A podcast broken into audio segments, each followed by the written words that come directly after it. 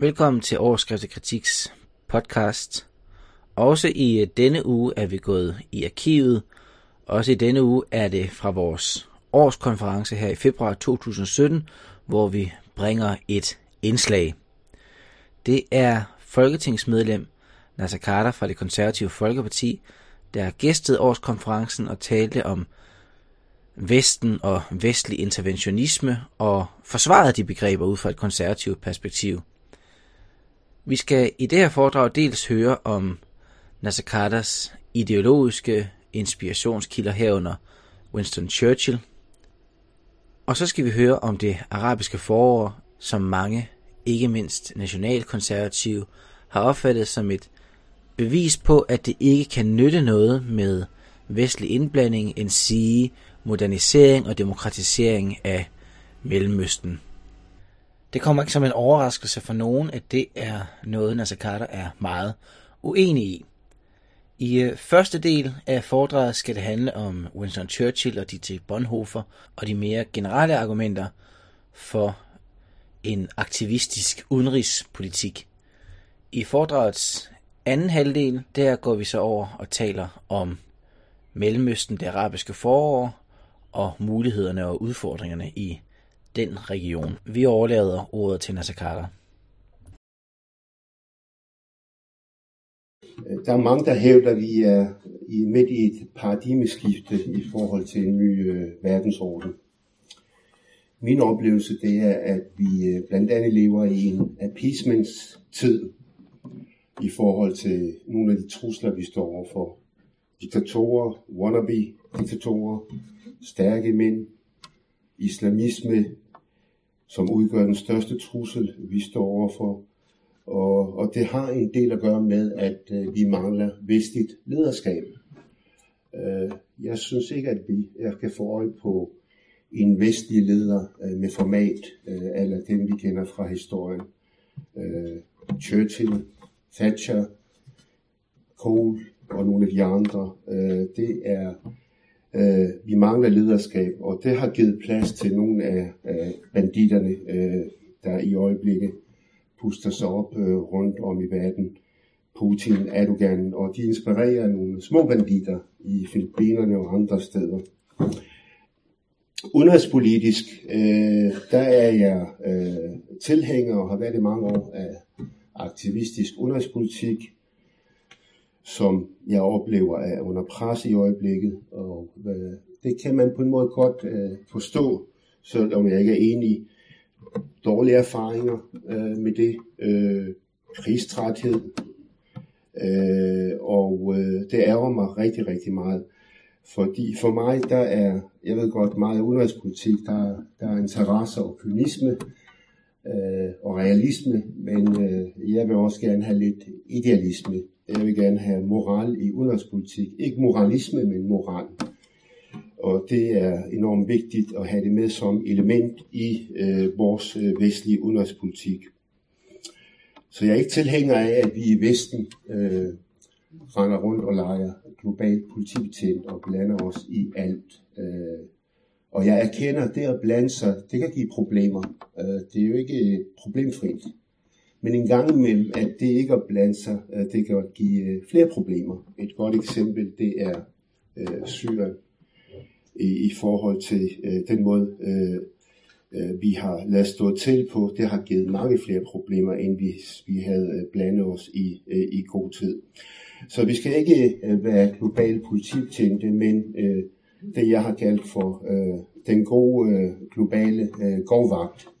Og gårdvagten øh, blander sig øh, mere som undtagelse end som øh, hovedregel, og hjælper dem, der hele tiden bliver øh, slået ned i, i skolegården, men øh, blander sig ikke i taklingerne på fodboldbanen. Øh, og jeg mener, øh, det forpligter at være demokrat. Altså, ikke demokrater er fuldstændig ligeglade med menneskeliv og menneskerettigheder.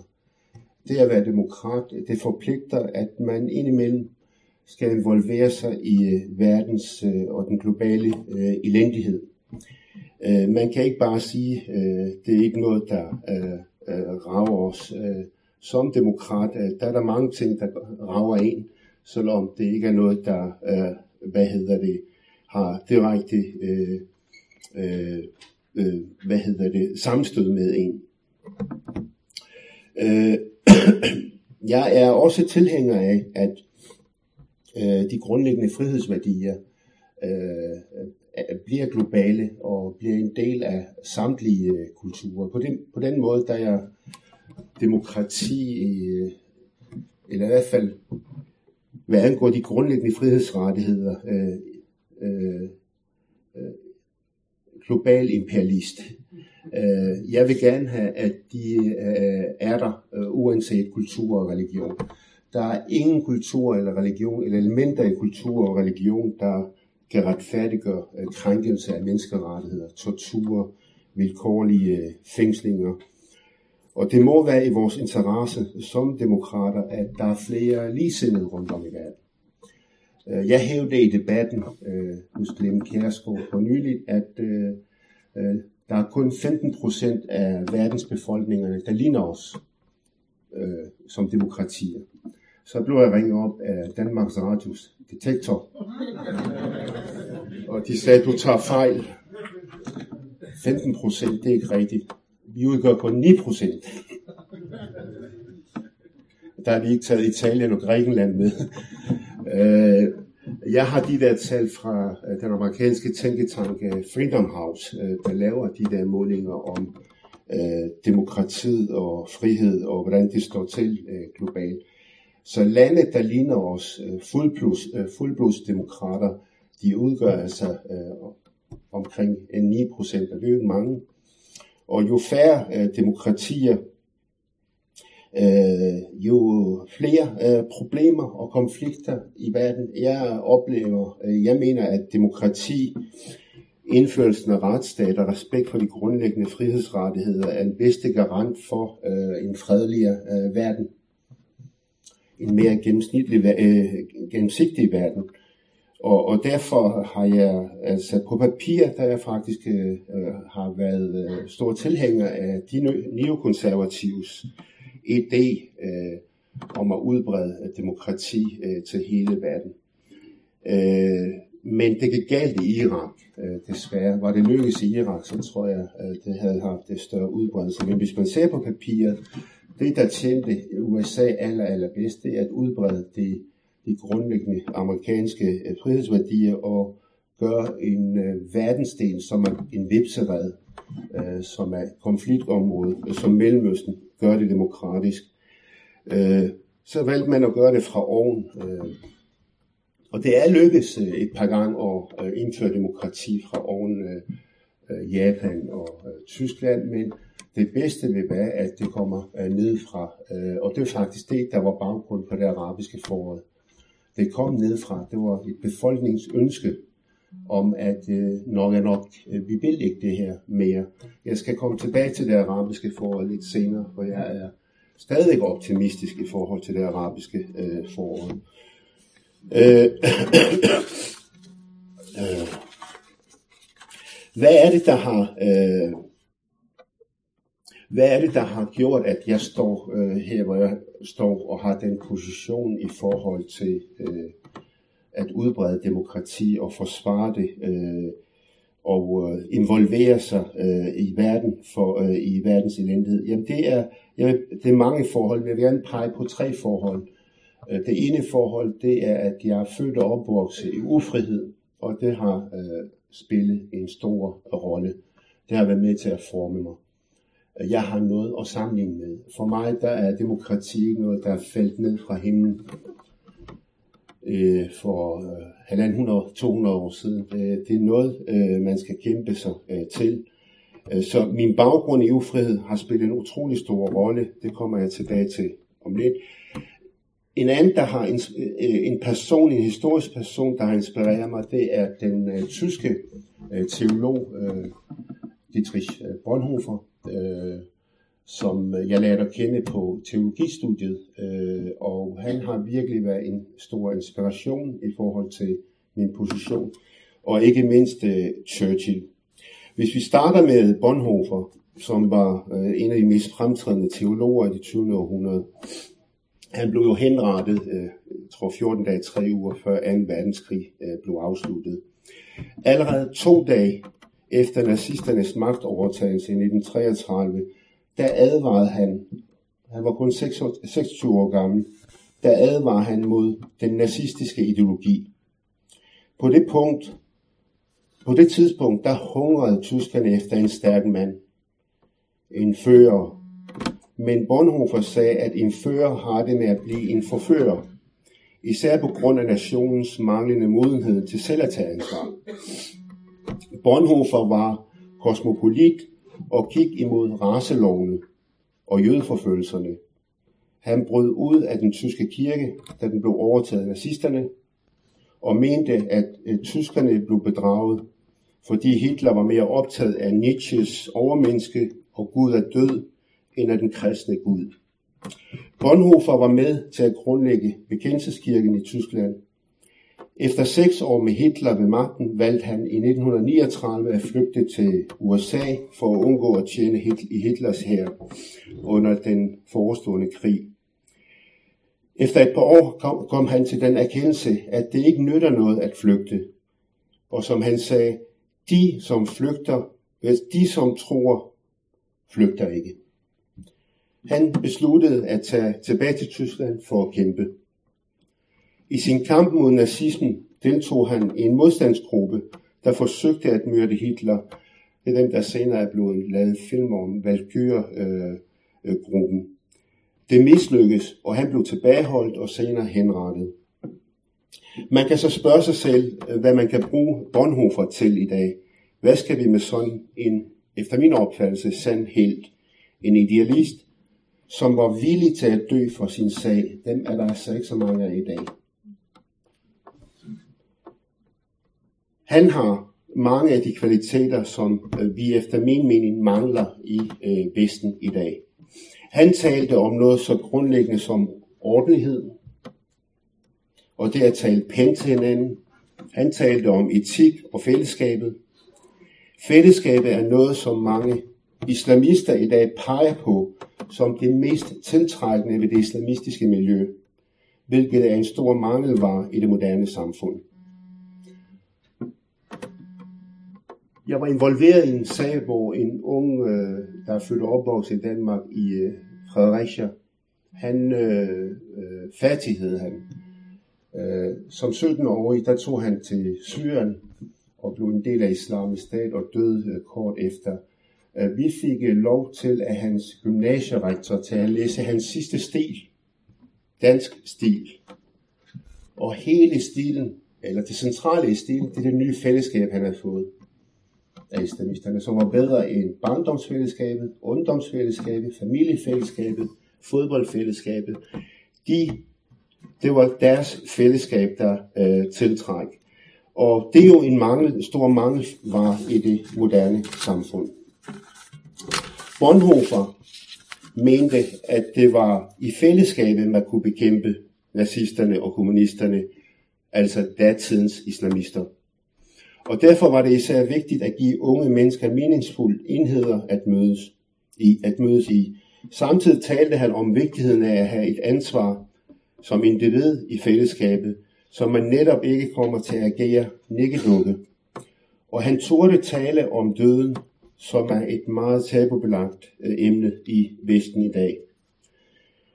I nyere tid, da han blev brugt af de sydamerikanske øh, øh, den sydamerikanske kamp imod diktatorerne. Ikke på en god måde alle steder. Jo, Desmond Tutu, øh, han øh, brugte også Bonhoeffer i kampen mod apartheid. Bonhoeffer mente, for han gik fra at være passivist øh, øh, til at blive meget aktiv øh, i kampen mod Hitler. Og der øh, mente han, at øh, man engang imellem er nødt til at slå det onde ihjel for at hindre større onde slå tyrannen ihjel for at hindre noget, der er værre. Det kan jeg godt lide, det kan vi godt bruge i dag. Det andet, vi kan bruge, det var, han er også ophavsmand til øh, sætning. Det er ikke at handle, det er også en handling. Og det er præcis sådan, jeg har det med eksempelvis øh, Syrien. Jeg havde det tidligere med Darfur, jeg havde det tidligere med Rwanda. Det er ikke at handle, det er altså også en handling.